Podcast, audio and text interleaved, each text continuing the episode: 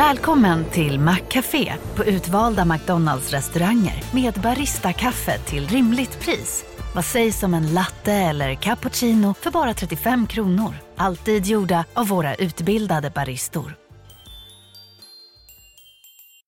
Hej, Susanne Axel här. När du gör som jag och listar dig på en av Krys vårdcentraler får du en fast läkarkontakt som kan din sjukdomshistoria.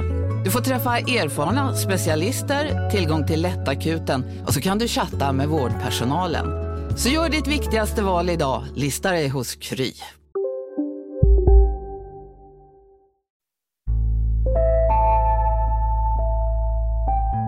Från Monopol Media, det här är Kapitalet. Jag heter Gunnar Harjus. Jag heter Jakob Bursell. Och vill man ha det här avsnittet utan reklam eller bara stödja oss så kan man gå in på monopol.se.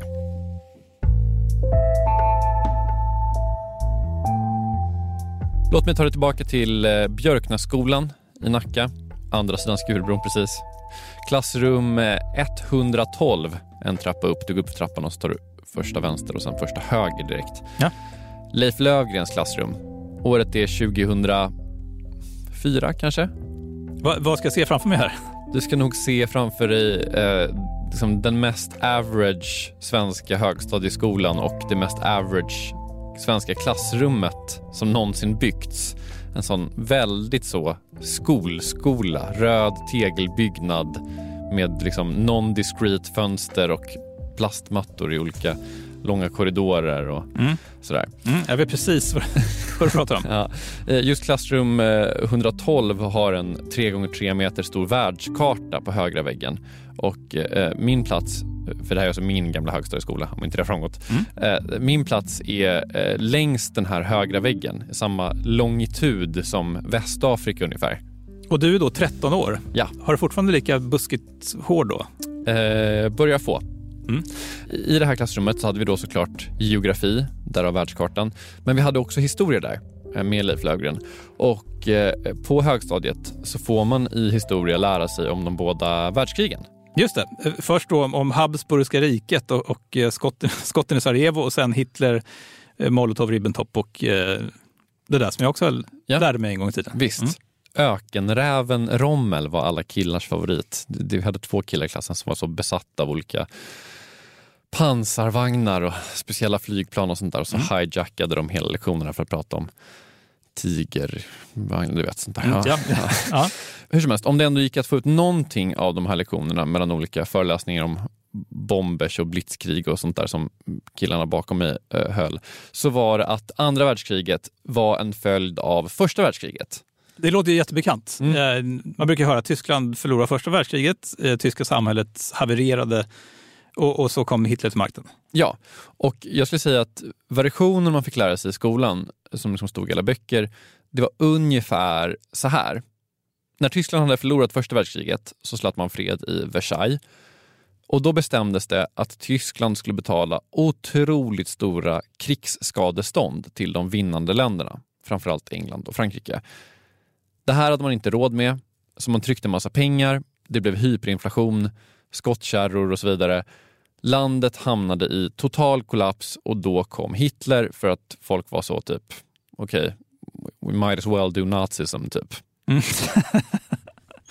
ja, men jag känner igen det här. Men frågar man Tobias Strauman, författare till boken 1931, Skuld, kris och Hitlers uppgång, så är det där inte riktigt, riktigt sant. But I mean that's the way it is. I mean the, what, what you hear in school is not necessarily the newest version of what, what, what you hear in, in, at university. Eller alltså så här, den här beskrivningen, det kanske inte är något fel i den. Skadestånden som Tyskland skulle betala till de vinnande länderna var enorma. Tyskland hade hyperinflation och det var i liksom den myllan eh, som Hitler kunde komma till makten. Men det hände också massa andra saker under den här tiden. Saker som vi ska prata om idag. För under mellankrigstiden så drabbades också Tyskland av en skuldkris. En kris som inte bara skulle försätta landet i fördärv och bana vägen för nazismen utan också var nära att dra med sig hela världen i sitt fall. En mer nyanserad bild av en av de moderna historiens viktigaste finansiella tidpunkter efter det här.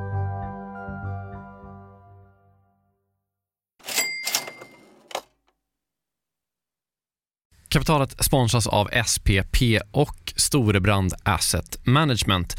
Eh, Storebrand och SPP hör ju ihop sedan många år och utan att gå in på några detaljer här och nu så kan vi i alla fall säga att eh, Storebrand förvaltar över 1200 miljarder kronor bland annat åt just SPP.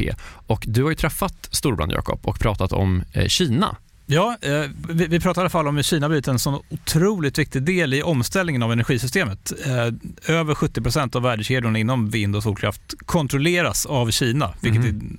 är otroligt när man tänker på det. Ja.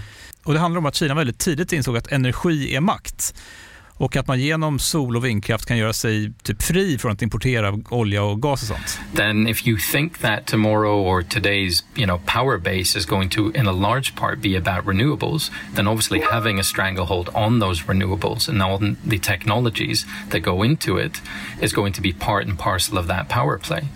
Eh, det här är då Philip Ripman som ansvarar för Storbrand Global Solutions, eh, en fond som investerar i lösningsbolag över hela världen. Mm. Och hela det här avsnittet om Kina och geopolitiken som nu liksom är invävd i den globala omställningen, eh, den släpper vi som en bonus här i kapitalet nu i veckan.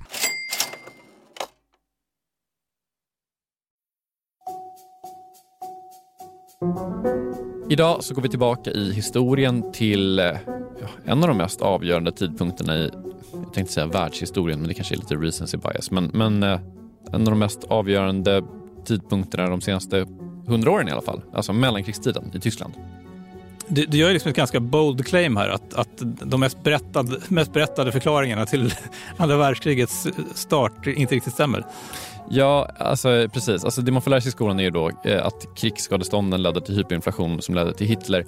Och alltså, det är ju sant. Alltså, ni har inte lärt er fel, fel på det sättet. Men jag vill kanske så här, det, det är en förenklad bild i det jag vill säga.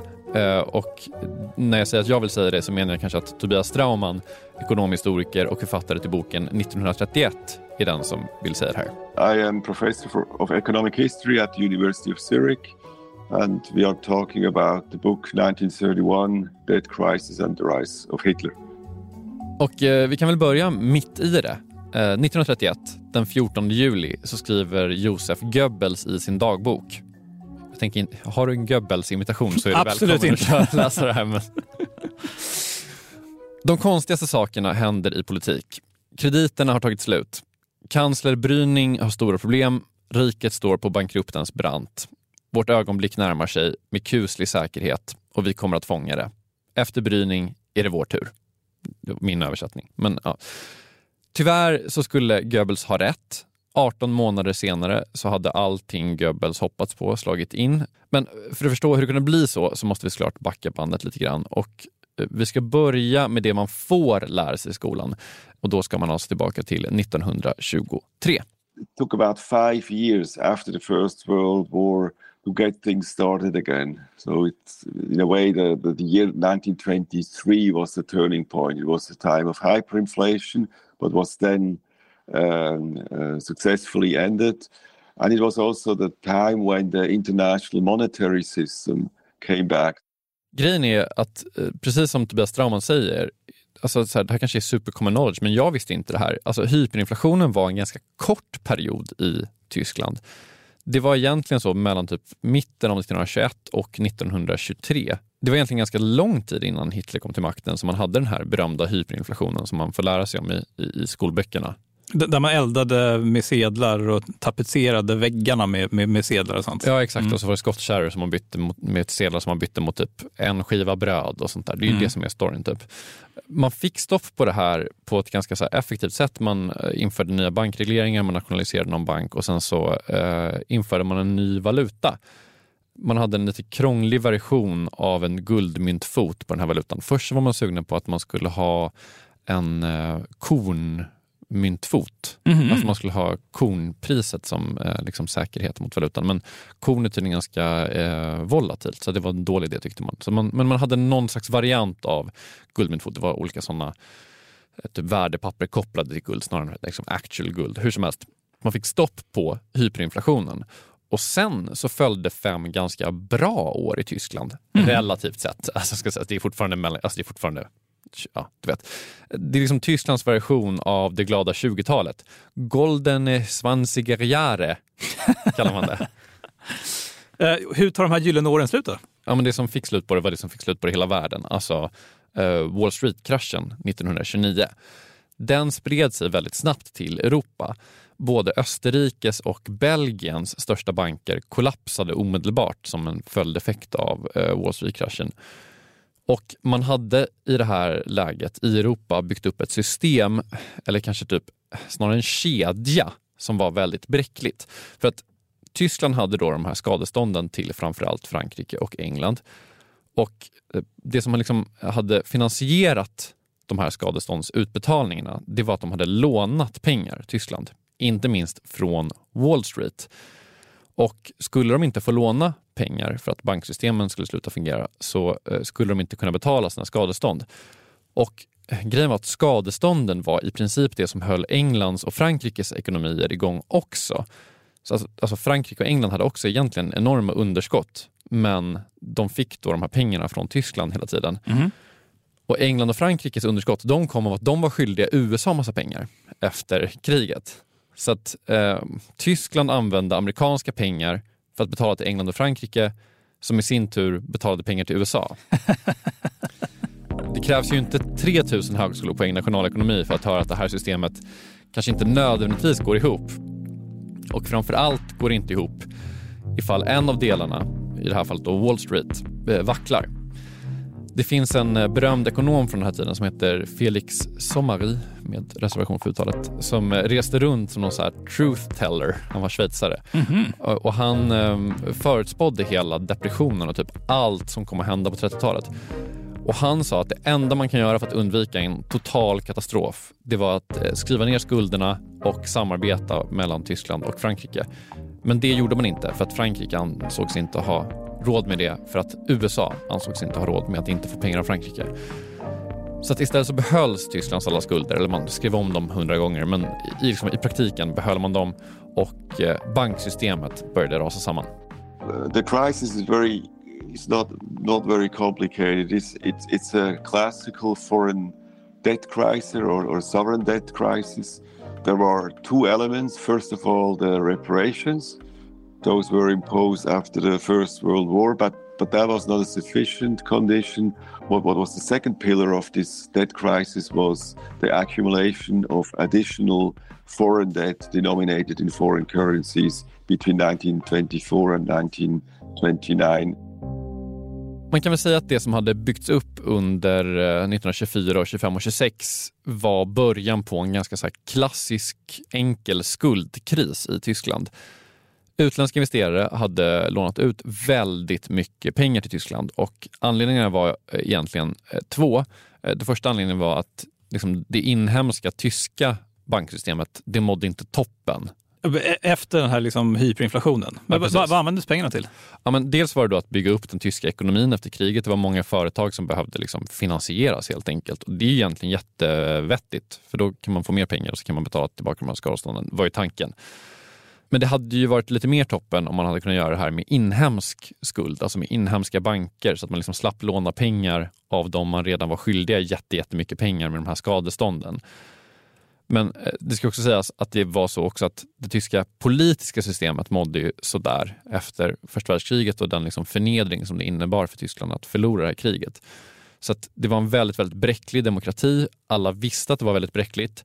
Så att man ville inte höja skatter, man ville inte minska offentliga utgifter eh, för att liksom göra befolkningen eh, missnöjda. För då hade det kunnat bli typ revolution. Det, var så man resonerade. Så att det, det var någon historiker som kallade mellankrigstidens Tyskland för en, en mortgage economy. det, ganska, det ligger någonting i det. för att liksom, Grejen var också att så här, utländska investerare älskade att investera i Tyskland för att deras lån hade eh, senioritet över det här krigsskadeståndet också. Jaha, så, så de står liksom först i tur för att få tillbaka pengar? Precis, och det fanns då teorier inom Tyskland och utanför Tyskland om att det Tyskland borde göra, det var att dra på sig tillräckligt stora privata skulder. För då skulle de här krigsskadestånden vara tvungna att upphöra för att man lånade då av banker i länder man var liksom skyldig krigsskadestånd. Och om de skulderna var tillräckligt stora så att man skulle riskera att inte kunna betala tillbaka dem, då skulle man vara tvungen att stryka de här krigsskadestånden. Mm. Så För att den privata så här, utlåningssektorn skulle typ kunna fortsätta funka i de här länderna. Just det. Men liksom, man kan väl säga att typ, man körde inte ett underskott i Tyskland eh, för att typ, det gick inte typ, demokratiskt, eller vad man skulle säga. I teorin hade man kunnat göra det här med inhemsk valuta och sen öka penningmängden lite grann. Men folk var, med viss rätt får man väl säga, också så här, ganska oroliga för det här med ökad penningmängd. Plus då att man hade den här då guldmyntfotstärkta valutan som är så svår att öka mängden på också. Men det låter ju ändå lite som att eh, grundproblemet här som man på olika sätt försöker kringgå, det är de här skadestånden som Tyskland fick efter första världskriget. Ja. Vi- Vilket är precis vad man fick lära sig i, i skolan. Precis, men jag jag tycker kanske om det är någonting som man får typ överdriva lite, så är det typ, eller man överdriver i skolan så är det typ så att det var verkligen så i hyperinflation, så här svallvågorna efter hyperinflationen som Hitler tog makten. Och så var det inte, utan det gick fan ganska lång tid emellan och den här krisen kom emellan. Ett problem var ju också hur Tyskland och resten av världen hanterade de här skadestånden. Man skrev ner dem lite grann i det som kallades, eller man skrev ner dem ganska rejält om jag ska vara ärlig, i det som kallades för Young-planen 1930. Men då bestämde sig också att Tyskland skulle betala av det på 50 års basis. Stökigt lån. eh, och i planen så ingick det också att Tyskland inte skulle få eh, devalvera eller inflatera sin valuta. Alltså man, man, man fick en super, super statisk penningmängd. Man kunde inte göra någonting med den och eh, därför kunde man inte heller typ stimulera ekonomin. I mean, it's a very classical emerging market sovereign debt crisis, uh, as we have seen since then, and as many people witnessed in the 19th century. It's an act, in, in the good times, you accumulate a lot of foreign debt denominated in foreign currency. Then uh, you, you slide into a recession. And then, of course, uh, the country is in a very difficult position because it has to uh, achieve two surpluses. It has to have a financial budget surplus or fiscal budget surplus uh, during the crisis and a trade surplus, you know, enabled to transfer the payments to the foreign country because it has to be the foreign currency. And of course, as we know from standard macro, uh, it's it's horrible to, you know, to to be forced to have those two surpluses in a times of crisis, and, and that that and then you get into a vicious circle, and that's what's happened in, in Germany. Så att eh, Tyskland under eh, kansler Brüning, eh, som han hette på den tiden, eh, han började köra en så här rejäl åtstramningspolitik mitt under brinnande kris. Och det är ju aldrig kul att köra åtstramningar under kris. Grundteorin är ju liksom att man vill att staten ska brassa på i dåliga tider och så kan man chilla och strama åt lite i dåliga tider. Men Alltså den här åtstramningen är fan typ unheard of dålig, det måste jag ändå säga. Alltså, mellan 1929 och 1932 så föll Tysklands produktivitet med 50 procent. Man fick över 20 procents arbetslöshet och man hade en negativ tillväxt på 25 procent. Och det här markerar också, menar eh, Tobias Strauman, också typ slutet på en era av globalisering där länder faktiskt hade handlat mycket med varandra, man hade slutit mycket internationella avtal, man hade ju alla de här, så här penningpolitiska avtalen och, och de här liksom valutaavtalen och sånt där. Men den här kraschen eh, gjorde att länderna började typ isolera sig mer ekonomiskt. Och, och är det i den här myllan då som, som nazismen till slut växer fram? Ja. I think the, the, the elections in September 1930, when the Nazis went from about 2% to 18% and became the second largest party in the German Reichstag, I think from that moment it, had, it became very, very difficult to convince investors in the medium term to trust Germany because from that moment on, especially foreign investors had to fear that the that country would be destabilized even further and then and then sooner or later Germany would stop paying these these debts and so when when it's becoming clear that the polarization between the parties becomes extremely accentuated from that moment on it was very difficult. Så det blir nästan en självuppfyllande profetia på något? Att när nazisterna väl blir lite halvstora, då slutar folk investera i Tyskland för att de är rädda för att det ska bli så instabilt. Och det som händer när investeringarna slutar komma, det är att det blir instabilt. Exakt, så att Goebbels egna lilla profetia i dagboken kommer liksom att slå in. Inte minst då för att nazisterna använder den här liksom förvärrade situationen retoriskt för att liksom spä på situationen ytterligare. Hitler was very rational in, in, in identifying the weakness of, of the government. He really saw that by linking his austerity to the debt problem and to the reparation problem, he had maximum uh, effect in, in, in his campaign. And it was not so much uh, anti Semitism in the campaign of 1930. Uh, we have sources that show that uh, they tried to, to, to play this card, but then they got the feedback from their party campaigners that it's not working. People are not responding in the same way as to this uh, to this linkage between the, the, the, reparations, debt, and the deepening of the crisis. Ein zertretener Mittelstand, der nicht mehr weiß, von einem Tag an den anderen zu kommen und durch einen unerhörten Steuerdruck zu Tode gepresst wird, das ist das Ergebnis ihrer politik. Och jag menar, ska man vara lite ärlig, Hitler hade ju inte helt fel i det här. Alltså, det var ett stort problem som Tyskland hade, även om eh, Hitler så här i efterhand, kanske inte så överraskande, såg till att göra problemet mycket större. Eller som Tobias Trauman säger, han var inte så konstruktiv att hantera den här krisen. Det är kul att tänka liksom, på Hitler som okonstruktiv inför en finanskris. He radicalized the position and was not constructive at all. If you can say that politically the foreigners are responsible for the misery of your country and that your government is complying with the foreigners, that's that that that was really very a very explosive message. And he, of course, understood it better than the, the communists always. They, they, they said similar things, but they turned it into a uh, critique of the capitalist system, and that didn't resonate as well. Whereas Hitler and, and other right wing uh, politicians, but he was probably the most successful, realized the foreigners are. They, they they crush us and our government is not protecting us that's a very power that was a very powerful message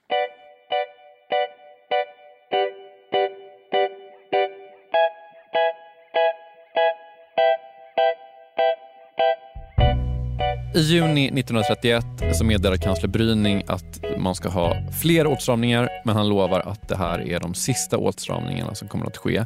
Tyskland är i det här läget i spillror och det här beskedet tas inte emot väl.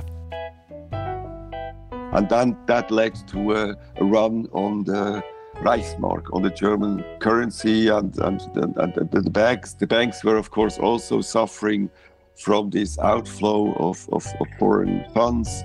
So you had a kind of a triple crisis. You had the sovereign debt crisis, a banking crisis, and the currency crisis. And, and the result was that uh, the, the, the, German currency had to be protected by capital controls. The, the banks had to be partially nationalized.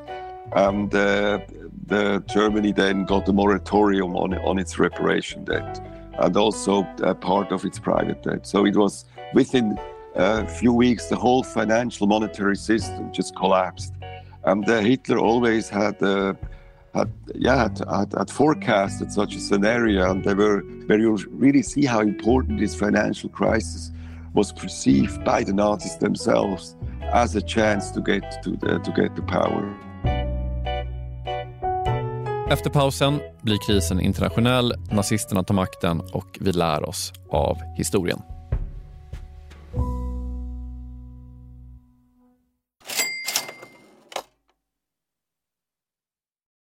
Jakob, vi har ett samarbete med Pareto Business School och det här är jag rejält nyfiken på. För att eh, eh, så här, vi jobbar ju sida vid sida, bokstavligen, sitter bredvid varandra och då och då så håller du upp ett finger och säger nu måste du vara tyst, det är en timme, för nu ska jag eh, göra något Pareto.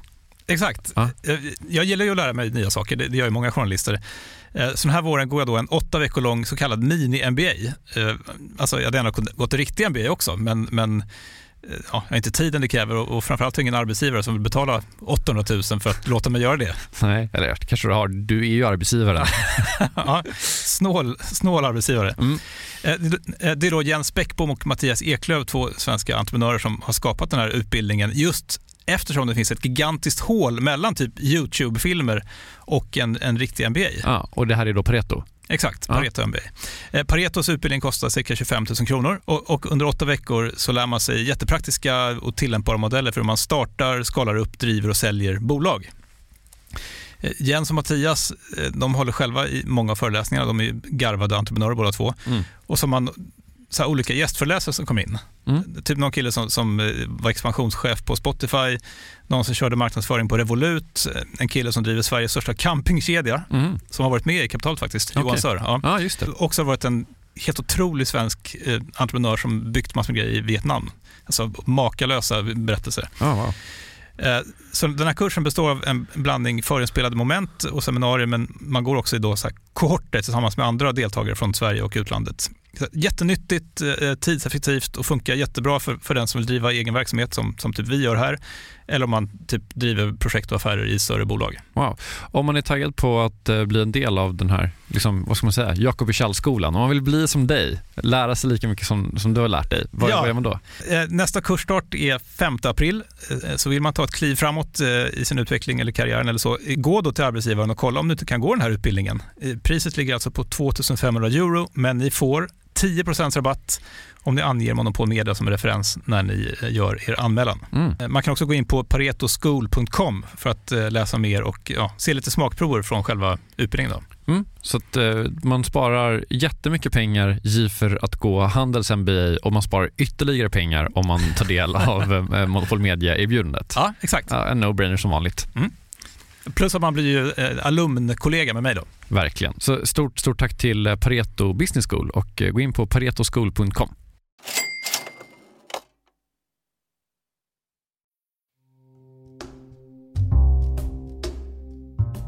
Vi har lärt oss jättemycket nu om den tyska mellankrigstidsskuldkrisen. Det har vi. Och det vi kan se är ett Tyskland och också ett Europa som är i total kris får man väl säga. Eh, Tyskland har enorma krigsskadestånd till England och Frankrike som i sin tur har enorma skulder till USA som i sin tur lånar ut pengar till Tyskland. Eh, och sen kommer då Wall Street-kraschen. Den får effekter i Europa och Tyskland eh, slungas in i en recession som blir värre och värre och värre. I valet 29 försvagas den tyska regeringen ytterligare och nazisterna gör ett rekordval vilket försvagar tysk ekonomi ytterligare. Vilket leder fram till året som är ett namn på Tobias Straumans bok. That was really the beginning of the process when the worldwide recession was turned into a, a depression. That means where really uh, the, the world economy got into a new crisis stage from which it was much harder to recover. It was, it was beyond anything uh, people had experienced before. För väl framme vid 1931 så börjar allting kollapsa. Lite förenklat, det här är en ganska komplicerad kedja händelser som är eh, också det finns väldigt många olika teorier om vad som leder till vad här ska sägas. Det här är, väl, det här är, en, det här är en version av händelseförloppet. Ja. Men Tysklands ekonomi hade krympt väldigt mycket under de här åren och det fanns ett underskott som var väldigt stort med krigsskadeståndet och allting. Och allt det här liksom ledde fram till att det egentligen inte fanns några pengar i Tyskland. Alltså, för nu hade också utländska långivare slutat ge lån till Tyskland. De här lånen hade varit väldigt kortsiktiga, de var tvungna att refinansieras hela, hela tiden. Det blev en likviditetskris i tyska banker som eh, började vackla och det vart bankruns på de här eh, bankerna hela tiden för att folk ville ha ut sina pengar för de tänkte att de här bankerna kommer aldrig hålla. Samma sak hade börjat hända över hela Europa. I Österrike så började den största banken eh, vackla och eh, man såg framför sig en total finanskris och folk började då ta ut pengar från banker i hela Europa. Sommaren 31 eh, så meddelar Tyskland att de inte kommer kunna hålla takten på de här skadeståndsåterbetalningarna. Och det här verkar satt griller i huvudet på typ hela finansmarknaden. Och man såg med viss rätt får man säga att England inte var i toppenskick heller. Och de var väldigt beroende av de här skadestånden.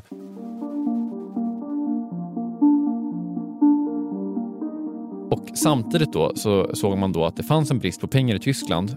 Eh, och det man gjorde då väldigt, väldigt motvilligt det var att man övergav den guldstandard som man har satt eh, marken på. Och alltså som det är med guldstandard så hänger ju alla valutor hänger ihop för att de är liksom kopplade till varandra. Så att England är också tvungna att eh, överge guldstandarden eller känner sig tvungna att göra det. Man gör det i typ hela Europa, i Skandinavien också. Det, är typ, det är, någon, det är något land som är kvar på det, Frankrike är kvar på det alldeles för länge och de måste devalvera sin valuta och det är världens jävla kaos liksom. En allmän bankpanik utlöses i hela världen. Så här, Japan och Indonesien, alltså det är så här, eh, hela, hela världen verkligen.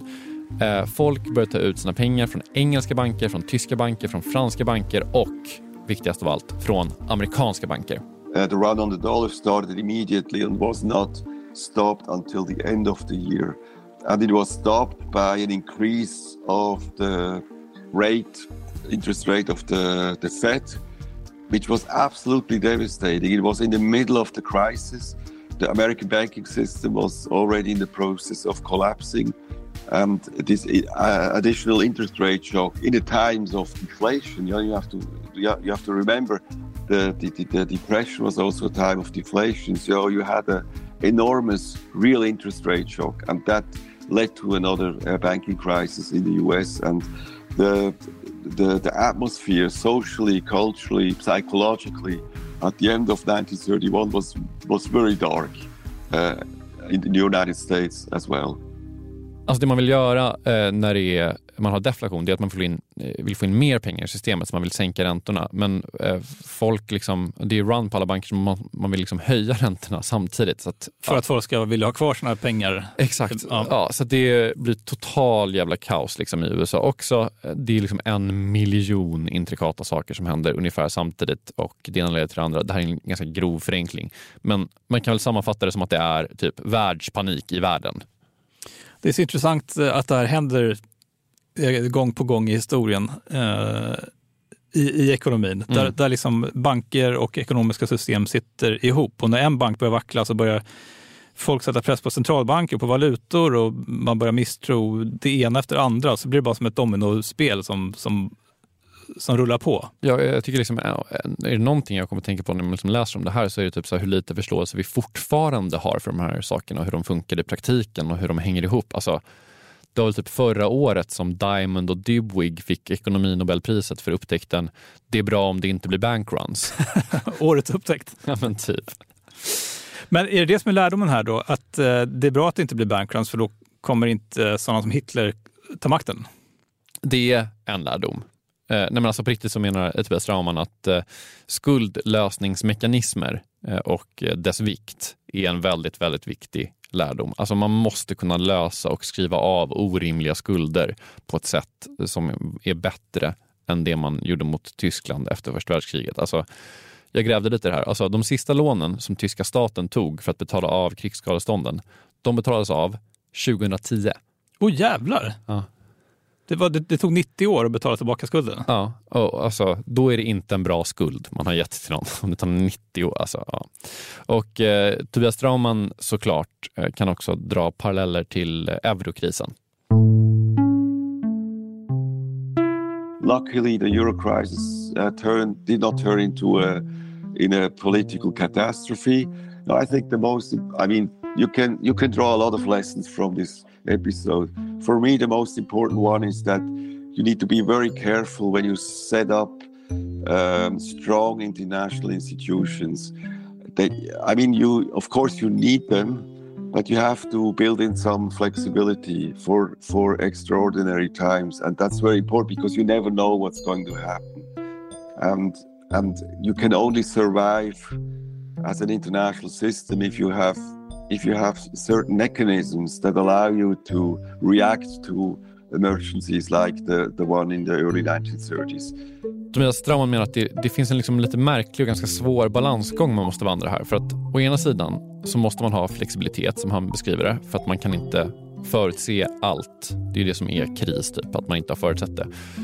Eh, men å andra sidan, ibland så misslyckas politiker med att typ fatta modiga beslut. Och när de misslyckas med det så måste det finnas en plan som gärna ska vara uttänkt på förhand för att liksom falla in, så att liksom täcka upp för misslyckade beslut på något sätt. Och, ja, det, det, är den balansgången som är så himla svår.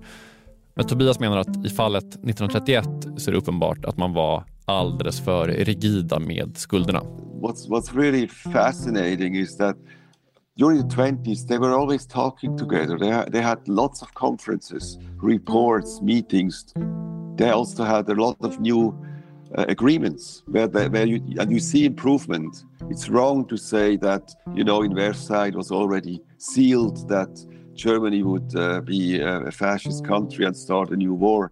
Of course, it starts in Versailles, but you see that try to adjust it to the new realities, but they never take the crucial step of of building in more flexibility, and, and that's that's that's the boomerang, and they were hit by the boomerang. Then within very short period of time, it's like within a year, the thing the thing is over more or less. Okej, okay, en eh, liten fördjupning till utbildningen jag fick i sal 112 på Björknässkolan. Har vi för låga krav på den här podden? Är det allt vi ska ge? En liten fördjupning på min högstadieutbildning. Ja, Tobias Rahammars bok heter 1931, eh, eller 1931, Death Crisis and the Rise of Hitler. Den finns inte på svenska, jag översatte titeln innan. Eh, den finns på välsorterade bokhandlar dock, eh, e-bokhandlar också skulle jag tro. Vi som gjort det här avsnittet heter Gunnar Harjus och Jakob Bursell. Kristoffer Krook har mixat det och vi är tillbaka snart igen. Hej då! Hej!